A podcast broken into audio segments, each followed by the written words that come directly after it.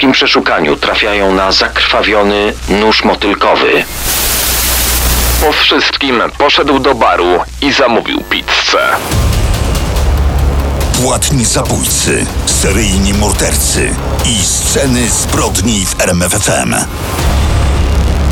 Dziś zabieramy naszych słuchaczy w kolejną podróż, oczywiście w stylu scen zbrodni, podróż do Szwecji. To właśnie kryminały skandynawskie wykreowały taki niezwykły klimat, tajemniczy, mroźny kraj, w którym mroczne tajemnice mają to swoje takie dodatkowe coś. Ale podkreślamy, statystycznie zbrodni w Szwecji jest mniej niż w innych krajach. Może dlatego te książkowe opowieści wydają się takie nierealne. My jednak skupimy się na tych prawdziwych, niestety bardzo realnych, które, no może właśnie dlatego, że Szwecja to taki bezpieczny kraj, dodatkowo szokowały tamtejszą opinię. Najpierw podwójne morderstwo z początku wieku, którego tajemnicę udało się ostatecznie wyjaśnić zupełnie niedawno. A później wielkie poszukiwania Engli Heglund, która zaginęła w drodze do domu. Sceny zbrodni w RMFFM. Pierwszą historię rozpoczniemy 18 listopada 2004 roku w wiosce Tefachta w Libanie. Przyjechał tu karawan z miasta Saida. Przywiózł z tamtejszego szpitala trumnę. Trumnę owiniętą w połowie we flagę Libanu. Druga połowa flaga niebieska z żółtym krzyżem. Właśnie flagi libańska i szwedzka. Trumnę podnoszą miejscowi mężczyźni, wokół zebrało się około tysiąca osób, no niemal cała wioska. Kobiety zgodnie z tradycją ustawiły się wzdłuż ulic, którymi mężczyźni nieśli trumnę. Część kobiet szlochała, część zawodziła głośno, zgodnie ze zwyczajem pogrzebowym. Do pochodu dołączali kolejni żałobnicy. Pochód składający się, podkreślamy, wyłącznie z mężczyzn, dotarł do cmentarza. Tu trumna została otwarta. W środku znajdowało się owinięte w śnieżno-biały całun ciało ośmioletniego Mohameda Amuriego. Złożono je do grobu wykopanego w ziemi. Po pogrzebie mężczyźni osobno, kobiety osobno wracają do dwóch różnych budynków, w których odbywa się ciąg dalszy uroczystości pogrzebowych. Trzy dni później, w niedzielę, jeszcze bardziej uroczyste pożegnanie chłopca. Wokół grobu tym razem zjawili się mieszkańcy także sąsiednich wiosek. Wszyscy zadają sobie pytanie, jak to się mogło stać? Jak mogło dojść do śmierci chłopaka w tak bezpiecznym przecież kraju jak Szwecja? Taką relację z pogrzebu możemy przeczytać w jednym z popularnych szwedzkich dzienników. I tutaj czas wyjaśnić, dlaczego odcinek o kryminalnej Szwecji zaczynamy 4000 km od niej. Co my właściwie robimy w Libanie? Pochowany chłopiec Mohamed Amuri miesiąc wcześniej jeszcze żył. Mieszkał właśnie w Szwecji wraz z rodzeństwem i rodzicami pochodzącymi z Libanu. Mieszkał w Linköping, siódme co do wielkości miasto Szwecji, liczące niespełna 120 tysięcy mieszkańców. No więc cofnijmy się o ten miesiąc do jego ostatniego poranka. Jest 19 października 2004 roku. Mohamed wychodzi z domu po 7.30 i jak co dzień idzie do szkoły. Dopiero od niedawna może chodzić sam. Wcześniej odprowadzali go zawsze rodzice albo starsze rodzeństwo. Wyszedł trochę później niż zwykle, więc śpieszy się, żeby nie zaliczyć spóźnienia. Miał do budynku szkoły tylko kilkaset metrów. Wyszedł ze swojego osiedla, skręcił w znaną sobie ulicę i nagle No właśnie, nie do końca wiadomo, co się wydarzyło. Krzyki jakiejś kobiety zaalarmowały mieszkańców okolicznych domów. Podbiegli do okien, ale jak później część z nich zeznała, niewiele było widać przez krzaki i drzewa.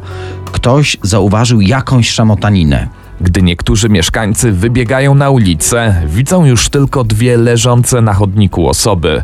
Część biegnie im na pomoc, część sięga po komórki i dzwoni na numer alarmowy. Część sąsiadów wraca do domów, by z telefonów stacjonarnych zawiadomić policję. Kilka minut przed ósmą rano rozdzwoniły się telefony na komisariacie miejscowej policji. Rozmówcy zgłaszają, że chłopiec nie daje oznak życia. Jest jeszcze kobieta, żyje, mocno krwawi, z ran najprawdopodobniej od noża. W tym momencie rusza jedno z najbardziej zawiłych śledztw w historii szwedzkiej policji. Policja i karetki przyjeżdżają dosłownie w kilka minut od pierwszego zgłoszenia. Ktoś cały ten czas próbuje reanimować leżącego na ulicy chłopca.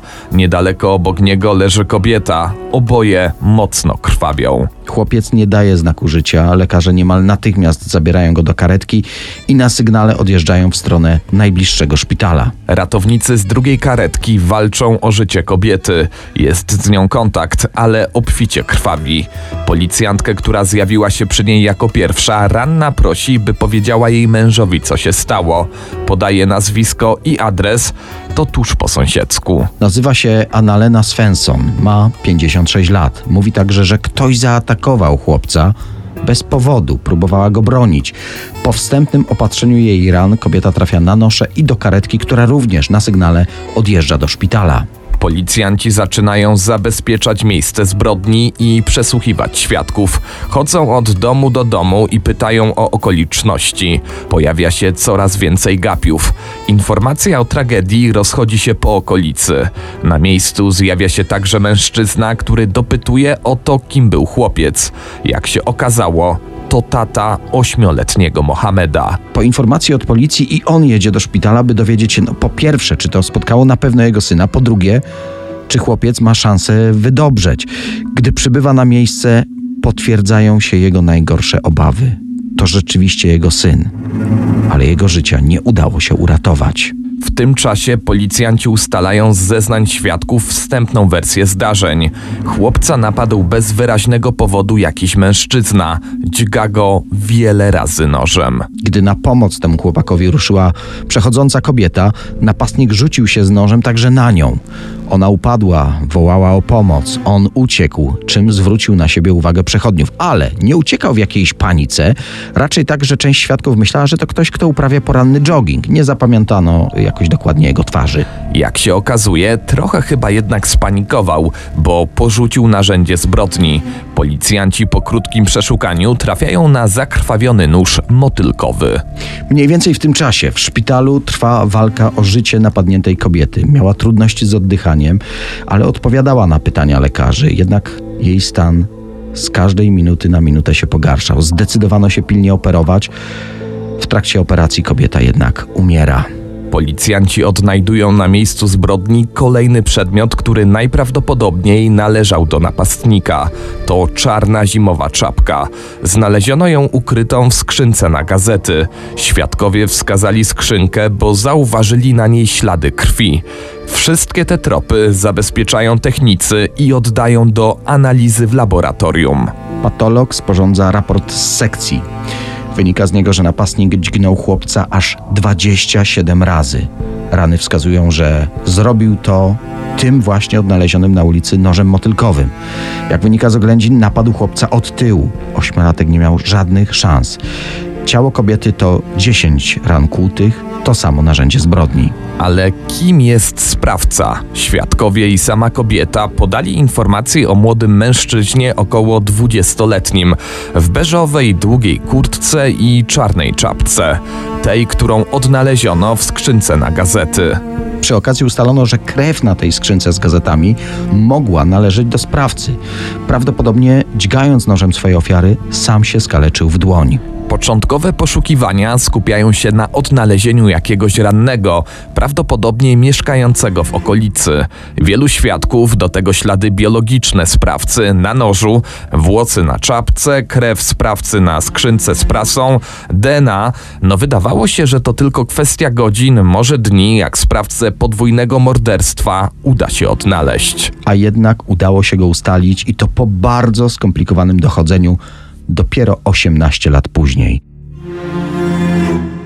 Po śladach DNA udało się ustalić, że to Europejczyk, blondyn, prawdopodobnie nigdy wcześniej nie notowany. Przypuszczano, że napaści mógł dokonać jakiś psychopata. Zdecydował przypadek. Inna badana wersja mówi, że mały Mohamed nie musiał być wcale przypadkową ofiarą. Widziano na miejscu mężczyznę, który kręcił się po okolicy. Może zaczaił się więc tutaj na chłopca, ale brakowało wiarygodnego motywu. Może morderstwo na tle rasowym. To też zbadano. Tu musimy wspomnieć, że ta sprawa była bardzo medialna. Podejrzanym stał się niemal każdy młody blondyn mieszkający w okolicy. Wielu z nich dobrowolnie poddało się badaniom DNA, by uwolnić się od podejrzeń. Po publikacji portretu pamięciowego w prasie, w mediach społecznościowych, policje zalały zgłoszenia od osób, które chciały pomóc i wskazać sprawcę. Każdy trop trzeba było sprawdzić, ale nic to nie dało. Zagadki nie udało się rozwiązać. Na przestrzeni przestrzeni miesięcy, a później lat okoliczności tej zbrodni trafiały do telewizyjnych programów kryminalnych, do podcastów. Po każdej emisji policja odbiera nowe relacje świadków, ale nie przybliżało to śledczych do rozwikłania tajemnicy. Kim mógł być sprawca tego brutalnego ataku? Badano także Polaka, muszę wtrącić ten wątek, który wyprowadził się z Linköping tuż po morderstwach. Nie miał alibi, odpowiadał rysopisowi, odmówił badań DNA, co wyciekło do prasy. Polak stał się więc przez pewien czas jednym z głównych podejrzanych ale ostatecznie przeprowadzono badanie DNA i okazało się, że ponad wszelką wątpliwość to nie on był mordercą. Wróćmy do śladów DNA znalezionych m.in. na nożu. Śledczym nie udało się ich z nikim powiązać. Mimo, że o pomoc poproszono nawet bardziej doświadczonych w tropieniu zabójców, śledczych z amerykańskiej FBI. W sumie prawie 40 tysięcy zgromadzonych dokumentów, tysiące przesłuchań i tutaj nie ma przesady. Początkowo 40, a później około 20 policjantów, którzy latami pracowali nad tą sprawą. Zaangażowanie specjalistów, biegłych, miliony, miliony koron na sfinansowanie śledztw. Nic. Za radą FBI postanowiono ogłosić nagrodę finansową. Problem w tym, że w Szwecji przepisy na coś takiego nie pozwalały. W końcu jednak w 2012 roku, po 8 latach śledztwa, osoba prywatna, jeden ze znanych szwedzkich profesorów kryminologii, zaoferował nagrodę milion koron dla kogoś, kto naprowadzi na trop mordercy. Nadal nic. I nagle niespodziewany zwrot akcji. Detektywi słyszą o podobnie zawiłej sprawie w Stanach Zjednoczonych. Golden State Killer pozostawił po sobie liczne ślady morderstw. Zebrano bogaty materiał genetyczny, ale brak było podejrzanego. Po latach techniki kryminalistyczne stały się doskonalsze. Nagle amerykańscy śledczy ogłaszają przełom. Po 40 latach porównali kod DNA podejrzanego z bazą ludzi, którzy dobrowolnie swoje DNA zostawili. W tej publicznej bazie danych ustalono no, niedokładnie takie samo DNA, ale jednak bardzo podobne, co miało świadczyć, że natrafiono na kogoś z rodziny mordercy, a nawet na kilku członków tej samej rodziny. I tak po nitce do kłębka udało się w końcu ustalić, że winnym był Joseph James DeAngelo. O tym było bardzo głośno. Szwedzi więc analizują technikę Amerykanów. Potrzebna była jednak nadzwyczajna procedura. W 2019 roku władze Szwecji wydały zgodę na poszukiwanie w ten sposób mordercy z Linköping. Śledczy przekazują próbki kodu wyizolowanego z noża i czapki, przeszukują platformy GetMatch oraz Family Tree i rzeczywiście strzał w dziesiątkę. Dwa trafienia. Ktoś spokrewniony z mordercą jest w szwedzkiej bazie DNA. Analizując drzewo genealogiczne, wytypowano w końcu sprawcę. Czekaj, czekaj, nie tak szybko. Najpierw wyskoczyło coś około 900 spokrewnionych osób. W końcu poproszono, by mieszkańcy z Linköping oddawali swoje DNA.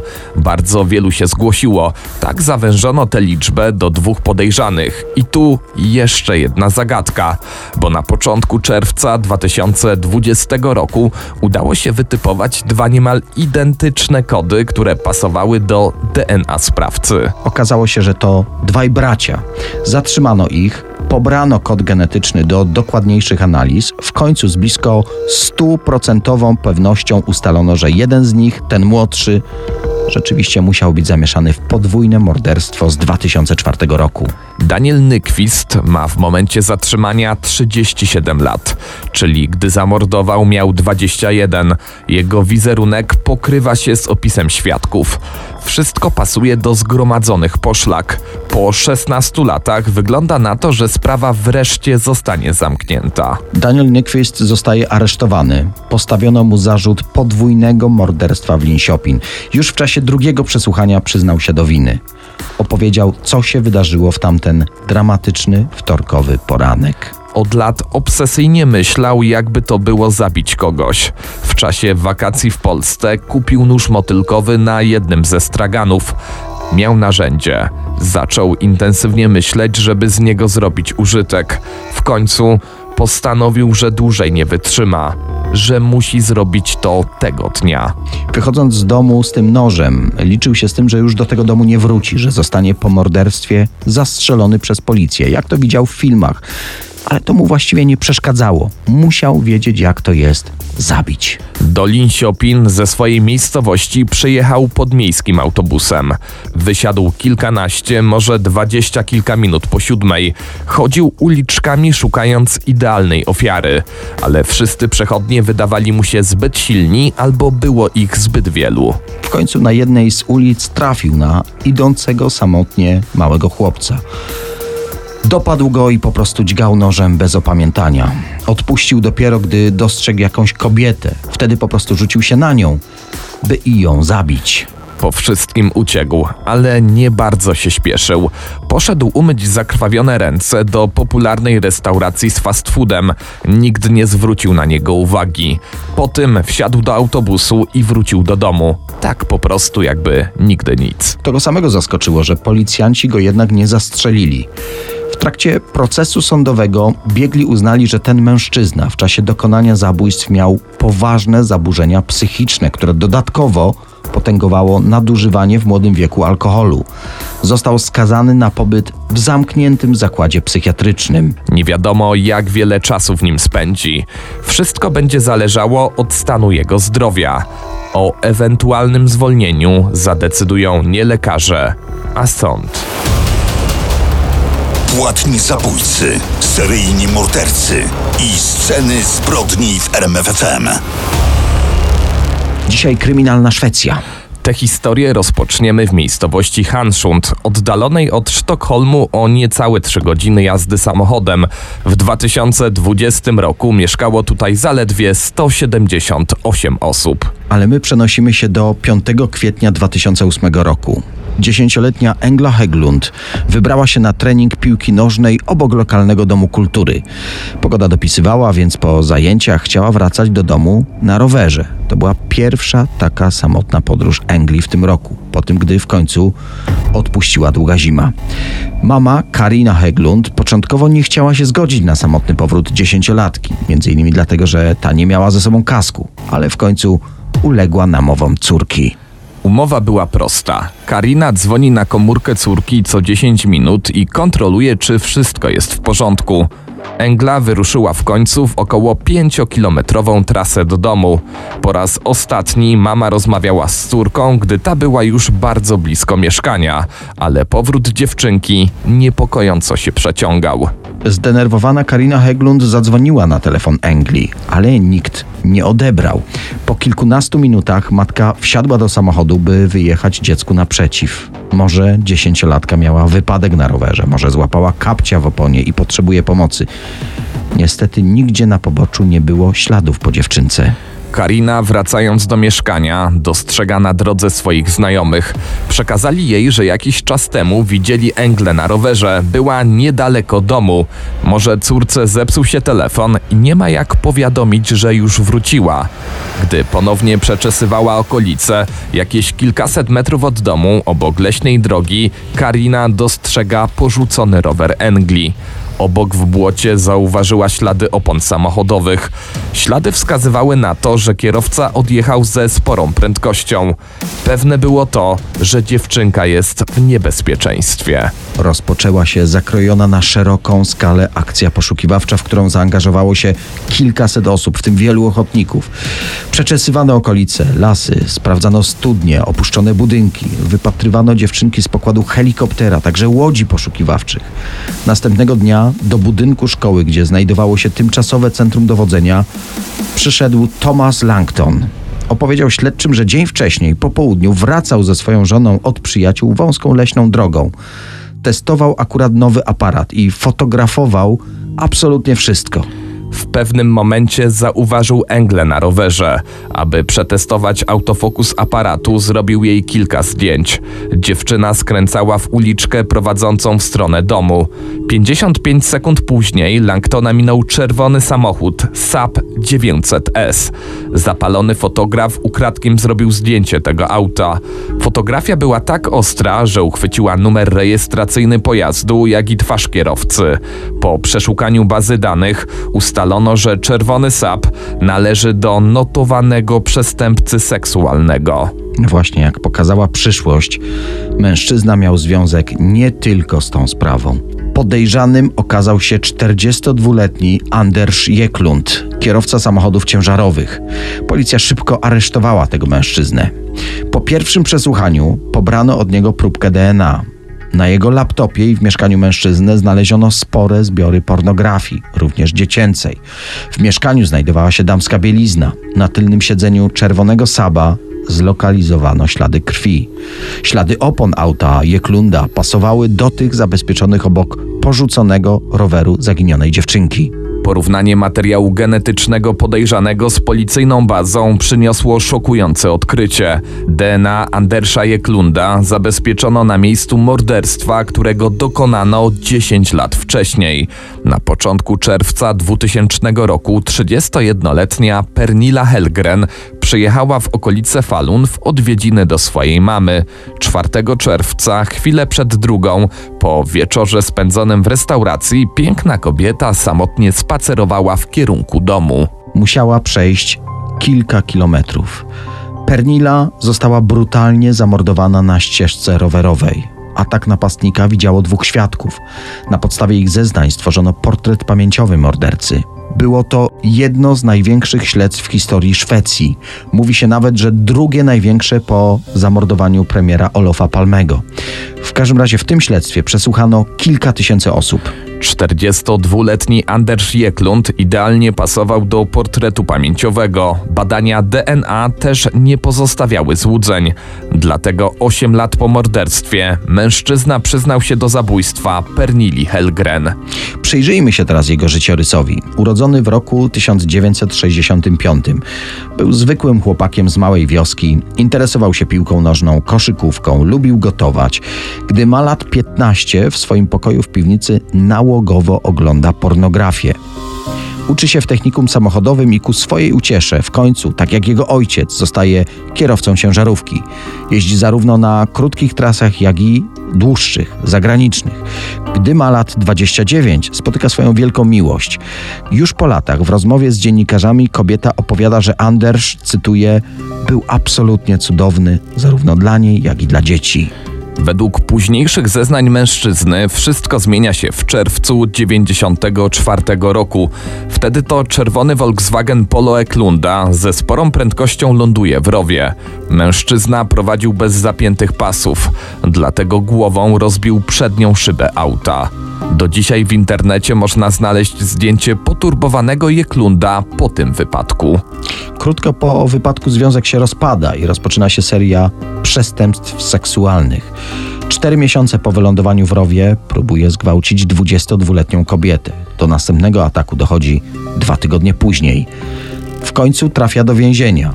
Wychodzi i ponownie napada na kobiety. Mimo wielu przestępstw seksualnych nie został poddany leczeniu.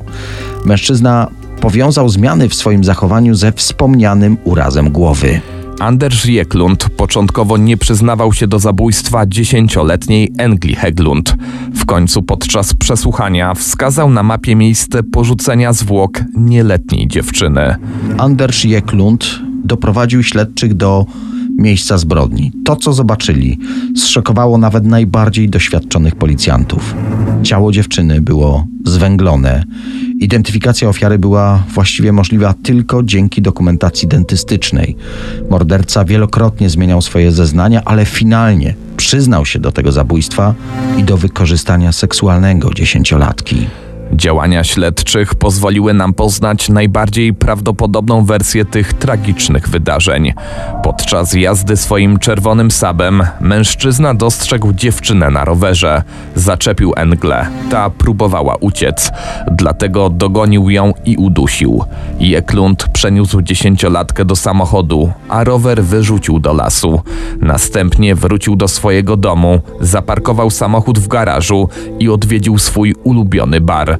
42-latek zamówił tam pizzę. No właśnie, to zaskakujące, z jak zimnym spokojem ten mężczyzna opowiadał o szczegółach tej zbrodni. Po tym posiłku wywiózł Engle około 50 km od Hanschund, oblał ciało dziecka benzyną i po prostu podpalił. Dodajmy, że dokładne okoliczności tych wydarzeń zostały utajnione, ale mężczyzna przyznał, że motywem tego ataku była napaść seksualna. 10 maja 2008 roku odbył się pogrzeb Engli Heglund. Ceremonię transmitowano w pierwszym kanale szwedzkiej telewizji. Był to pierwszy taki przypadek w historii. Podczas uroczystości żałobnych siostra zamordowanej i jej przyjaciółka zaśpiewały utwór Celine Dion My Heart Will Go On. Anders Jeklund za dwa morderstwa i wiele innych przestępstw został skazany na dożywocie. I tutaj musimy zaznaczyć, przypomnieć, że kara dożywocia w Szwecji właściwie nie istnieje, bo po 10 latach skazaniec może wystąpić do sądu, by zamienić dożywocie na określoną w czasie karę. Zwykle też skazaniec otrzymuje później wyrok 25 lat więzienia. Ale w praktyce oznacza to, że warunkowo wychodzi na wolność po dwóch trzecich wyroku, czyli najczęściej po 16 latach. Wiele wskazuje więc na to, że Anders Jeklund wyjdzie na wolność, gdy będzie miał około 60 lat. Dodajmy, że w 2018 roku jego pierwsza prośba o przedterminowe zwolnienie została odrzucona. Przypomnijmy jeszcze kilka statystyk z 2017 roku, oczywiście statystyk kryminalnych. W Szwecji 144 osoby odsiadywały karę dożywocia. Wśród skazanych znajdowało się 7 kobiet. Właściwie wszyscy otrzymali dożywocie za przestępstwa związane z zabójstwem. Jedyną osobą skazaną na tę karę, która nie popełniła zabójstwa, był Rwandyjczyk ze szwedzkim paszportem. On odsiadywał ten wyrok za ludobójstwo. W najnowszej historii Szwecji najwięcej czasu w więzieniu spędził podwójny morderca Axel Axmir, który wyszedł na wolność po 34 latach. Sprawa zabójstwa młodej Szwedki wstrząsnęła opinią publiczną, zwłaszcza, że tej tragedii można było uniknąć. W 2010 roku opublikowano raport w sprawie zabójstwa Pernili Helgren. Anders Jeklund był na liście osób, od których planowano pobrać próbkę DNA, jednak z jakiegoś powodu badania nie wykonano, dlatego nie udało się powiązać Jeklunda z tym zabójstwem. Gdyby groźny przestępca został wtedy złapany, nie doszłoby do kolejnej tragedii. Sceny zbrodni w RMFFM.